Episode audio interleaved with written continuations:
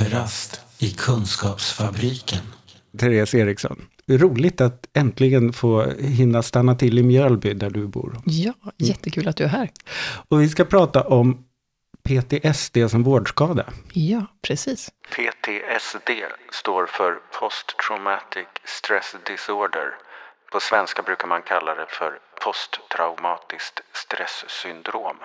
För det är något, en kunskapsområde som du har börjat bryta mark i i Sverige, får man väl säga. Ja, lite så faktiskt. Men det var en väg, alltså du förklarar lite vägen fram till att du såg det som ett område. För du har ju gjort ganska mycket i, ska man säga, i patientpåverkansbranschen tidigare. Ska inte du säga något om ditt CV som brukarpåverkare? Du var med och startade för, eh, organisationen Kedo. Ja, det var jag. Eh, Det är tio år sedan nu. Mm. Det är jättespännande. Och det, Grattis. ja, tackar, tackar. Det är jätteroligt att se att föreningen fortfarande lever så väl. Ehm, mitt CV, ja, nej men um, framför allt så handlar det väl om att jag själv för ganska många år sedan vid det här laget eh, var patient inom psykiatrin. Och eh, när jag lämnade framförallt slutenvården så upplevde jag svårigheter även i efterhand. Alltså jag mådde bra, fast jag upplevde att jag hade negativa erfarenheter med mig från sjukvården. Som, s- ska man säga, som spökade. Ja, Eller? men Ja. lite så, som Mm. spökade. Ehm, enkla saker, men låsta dörrar, skramlande nycklar, utryckningsfordon, Mm. sådana saker som liksom väckte obehag i mig på ganska många olika plan. Ehm, men det fanns det inte ord för och det var liksom ingenting som jag egentligen ägnade så mycket uppmärksamhet. Utan jag hanterade mitt då genom att eh, skapa ett nytt nu på något sätt. Mm. Och, och började helt enkelt arbeta med, med frågor kring psykiatri, tvångsvård, självskadebeteende. Där föreningen Kedo är en del utav det. Just det. Eh, men sen, några år senare, så började jag och en vän och kollega, Sofia Åkerman, att skriva en bok. Vi började egentligen att arbeta för patienter som vårdades för självskadebeteende inom rättspsykiatrin. Just det. Eh, Det var, det var ju, och det blev ju rätt mycket medial uppmärksamhet kring det. Precis, Mm. precis. Och det var ju ett lite givande och tagande att vi kunde ju också dra nytta av den massmediala Mm. uppmärksamheten. Så det, det var lite samverkan däremellan. Men oavsett, i mötet med alla de här unga, för det var framförallt unga kvinnor som vi intervjuade och pratade med, hade kontakt med på olika sätt, så var det återkommande att många av dem berättade, uttryckte sig på olika sätt i stil med att jag dör hellre än att komma tillbaka dit, där dit då var, var rättspsykiatrin. Ehm, och det här väckte funderingar i både mig och Sofia, men, men jag har liksom fortsatt att fundera på det där och ägnat Mm. ett antal år att vad är det som händer med de här patienterna som, som väcker så starka känslor i efterhand? Ehm, sen eh, fick jag höra från annat håll att man inom svensk intensivvård, alltså somatisk intensivvård, så kan de patienterna drabbas av posttraumatiskt stresssyndrom Mm. efter själva vårdsituationen. Och jag fick lära mig att nej, men detsamma kan hända efter eh, en svår förlossning exempelvis. Och då var det liksom som att pusselbitar rasslade till i huvudet på mig. Jaha, Då, då började jag sådär, ja men vänta lite nu. Det är inte bara något man kan få vård mot, utan man Nej. kan råka få det av vården. Precis. Mm. Ehm, och jag gjorde som jag alltid gör, jag vände mig till vetenskapen och började söka vetenskapliga artiklar, eh, nörd som jag är, och insåg att det internationellt är ett forskningsområde. Det är smalt, men det finns ändå ett antal eh, studier som väldigt tydligt visar att jo, patienter inom psykiatrin kan drabbas av PTSD som, som ett faktiskt direkt Som en Eh, biverkning. biverkning, eller, ja, mm, eller en utav- vårdskada. ja, Mm. utav själva vården. Ehm, och det har blivit lite som en ögonöppnare och nyckel för mig att börja förstå de svåra erfarenheter som jag ändå har mött i ganska många patienter vid det här laget. Mm. Ehm, och hur de mår i efterhand när det de sökte vård för visserligen är någorlunda läkt. Exempelvis ett självskadebeteende har man liksom kommit till rätta med och man mår ganska bra i den biten. Men man har andra saker som någon slags konsekvens eller Mm. någonting som finns kvar. Ja. Och de allra flesta får ju förstås ingen diagnos. och det här blir ju väldigt snabbt ett moment 22, för var ska de här patienterna vända sig? Mm. De upplever att de har fått skador i psykiatrin. Och var söker man sig när man har PTSD-liknande symptom? Till psykiatrin. Till psykiatrin. Mm. Söker man sig till psykiatrin om det är där man upplever att man har blivit skadad? Väldigt sällan. Mm. Så. Ehm, vilket ju också gör att vården i ganska låg utsträckning får kunskap och ens kännedom att de här patienterna finns. Ja. För de lämnar ju vården. Du Ja, vill inte vill inte vara... tillbaka, nej, du vill Ja, inte vara det. kvar i Mm. vården. Ehm, det har flera gånger i samtal jag har haft jämförts med liksom att skulle jag gå tillbaka till min våldtäktsman Mm. och be om hjälp där. Visserligen draget till sin spets, men för att ändå Mm. förstå att Visst. det är faktiskt den, psykiatrin står ju för det som har skadat mig. Just Är det. det där jag ska söka hjälp? Kafferast i Kunskapsfabriken. Vad har du hittat sen då, när du har liksom börjat titta närmare på det här?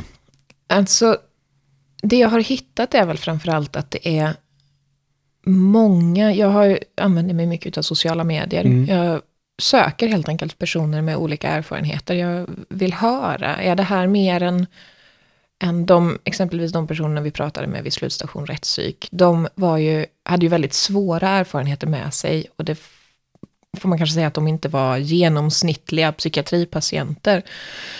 Eh, Så jag har velat höra hur, hur står det till Mm. liksom.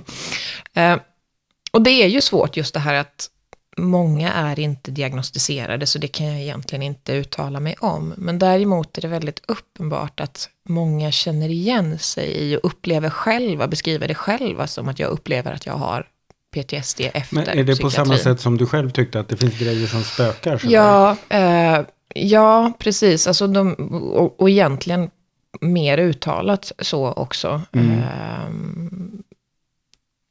och, och kanske tydligast i just det här att många man undviker vården. Man låter bli att söka vård, även om du blir sjuk i en depression eller i, i en ätstörning Mm. eller i en bipolär... Alltså, du, du håller dig därifrån. För vården är alltför förknippad med eh, de skador som du har erhållit. Mm. Ehm, det jag upplever som är svårt, ehm, för jag, jag kan känna att jag har fått väldigt positivt gensvar, eller vad man ska säga, från, från patientsidan. Det är många som känner att det här, det förklarar någonting, det, Ja, det, det. tydliggör någonting. Mm. Eh, många som beskriver det som att det är skönt att veta att jag inte är ensam, att någon sätter ord på det jag har upplevt. Det, det är kanske det återkommande som, som jag får höra. Ehm, det jag kan känna från vårdsidan är att det finns en del som är väldigt positiv, som är väldigt glad att, att Mm. det pratas om. Sen finns det en del som, som svarar ungefär som, som jag upplever att väldigt mycket kritik mot psykiatrin bemöts. Mm. Ja, men vad skulle vi göra istället? Mm. Så. Eh, och det är från mitt perspektiv ett oerhört invaliderande svar. För Mm. det är klart att, nej, det kanske inte fanns något alternativ. Det är fullt möjligt. Alltså i vissa situationer så, så kan jag absolut se att det kan behövas, exempelvis en tvångsåtgärd. Mm. Men den tvångsåtgärden, om den skapar negativa eh, liksom upplevelser i patienten, så blir det ju inte bättre av att man från vårdhållet förnekar de skadorna i efterhand. Då är det ju bättre att man någonstans får bekräftat Ja, att det. skadan Mm. finns. Precis. Och det jag tycker har varit så intressant är jämförelsen med den somatiska vården, där jag själv har arbetat en del. Inom somatiken, vi jobbar jättemycket med vårdskador. Vi vet Mm. att patienter får liggsår och vi vet att patienter får infektioner. Om bara att, att vårdas på sjukhuset så, så löper du ökad risk för att drabbas av en infektion. Mm. Det är vårdskador som är en direkt konsekvens av den Och vård det du har man får. kvalitetsregister för. Ja, det. och det, det är någonting som, inte, som jag inte upplever är så stigmatiserat.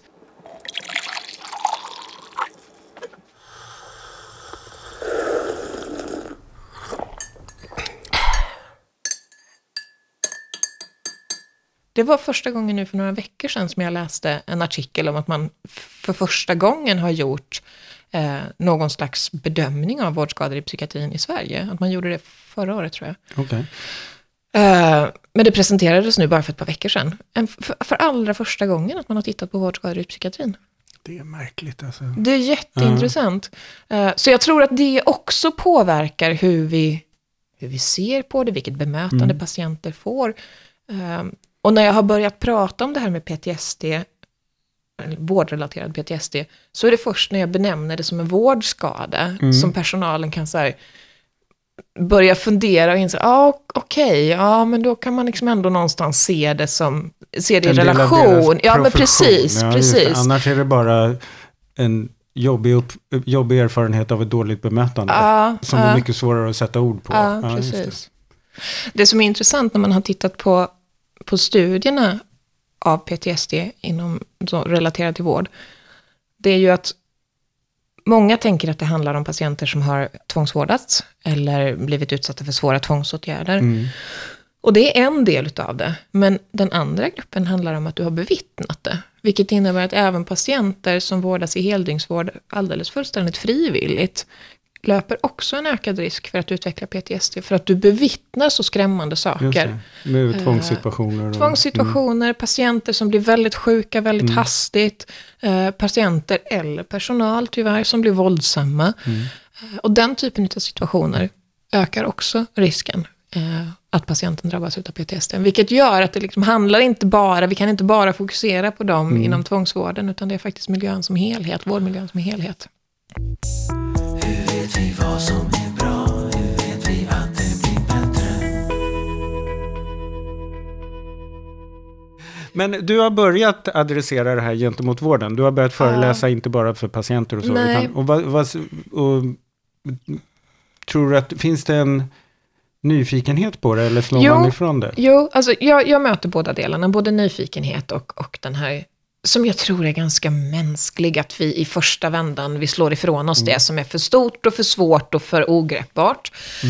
Ehm, men jag ser och möter också väldigt mycket positivt och en uppmuntran att fortsätta med det här och en, en eh, många som ger uttryck för att det här behövs. Vi Mm. behöver bli bättre på detta.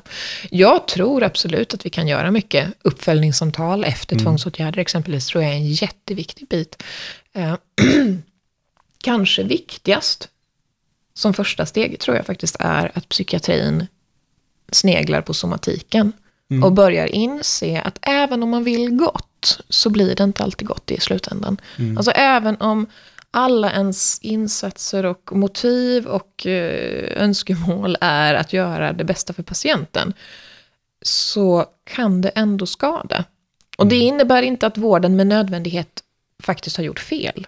Nej, det kan råka hända. Ja, det kan råka Mm. hända. Och det kan också vara så att i, i val mellan två, alltså den här patienten är så dålig att risken är att hen tar livet av sig. Vi måste göra en Då tvångsåtgärd. är PTSD en vinst. Ja, men alltså, ja precis. Det, det är Ja. lite så jag Mm. tänker. Liksom att, men, men istället för att slå ifrån sig att det här förekommer Mm. inte, det händer inte, så måste man börja med att, att på något sätt bli självkritisk och börja se till den egna verksamheten. Okej, det här händer. Mm. Vad, hur kan vi göra det. bättre? Men där tänk, tycker jag att för några år sedan då när man började köra den här eh, satsningen med bättre vård, mindre tvång och där det då börjades med såna här upp, man började jobba med uppföljningssamtal och mäta och man började jobba på hur man kan undvika tvångsåtgärder Mm. och så här.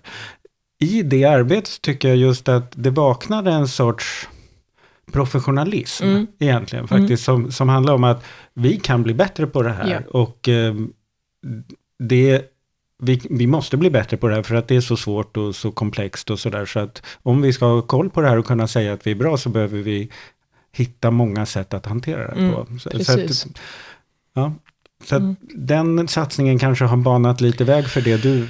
Ja, pratar om ja, då. eh, Ja. och jag tror att den behöver spridas än mer och fördjupas. Det tankesättet Mm. måste fördjupas. För Mm. jag, eh, det måste lämna på något sätt projektformen och bli en naturlig del utav hela psykiatrin. Genomsyra det.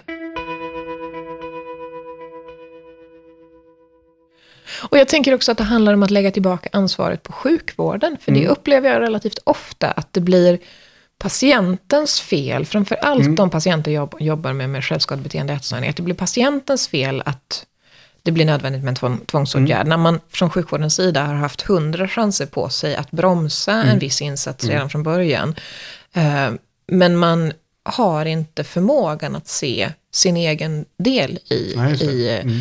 en uppkommen situation. Och där tänker jag också att det här är en sån typisk situation där man behöver se sin egen Mm. medverkan. Mm. Och min erfarenhet är när jag träffar personal som har börjat jobba med dem där, att de är ju, de gillar ju bara sitt jobb ännu mer. Mm. Alltså för, Ja. för de ser att, att det här, ja men jag kan bara bli skicklig på det här. Ja, och precis. se, se saker tidigt, då är jag ännu skickligare. Ja, Ja, precis. så. Mm. Mm. Vilka ska vi övertyga mer om det här då? Hur, hur går det med ditt korståg kring PTSD i vården? Ja, du. Nej, Ska du skriva en ny bok? Jag är ju sugen på det, på riktigt. Det är jag Mm. faktiskt. För jag tror att det är ett område där det behövs kunskap. Mm. Så. Och det finns Eh. mycket berättelser. Det finns jättemycket berättelser. Ehm, och det, det blir så mycket vatten på ringarna. En kvinna jag pratade med berättade om hur hon hade fått en allvarlig infektion i kroppen. Mm. Och lämnade sjukhuset alldeles, alldeles för tidigt. För att hon hade så mycket PTSD-symptom från att ha varit fastspänd i en eh, bältesäng. Att hon nu inte klarade att ligga i en helt vanlig sjukhussäng och vara uppkopplad till dropp och liknande. Aha. För det gav alldeles för mycket liksom, posttraumatisk Mm. stress i hennes kropp. Vilket ju var en... Alltså, En helt annan åkomma. Ja, och det var ju farligt på ett, på Mm. ett väldigt konkret sätt. Just För den infektion hon hade krävde egentligen sjukhusvård. Men hon klarade inte av det.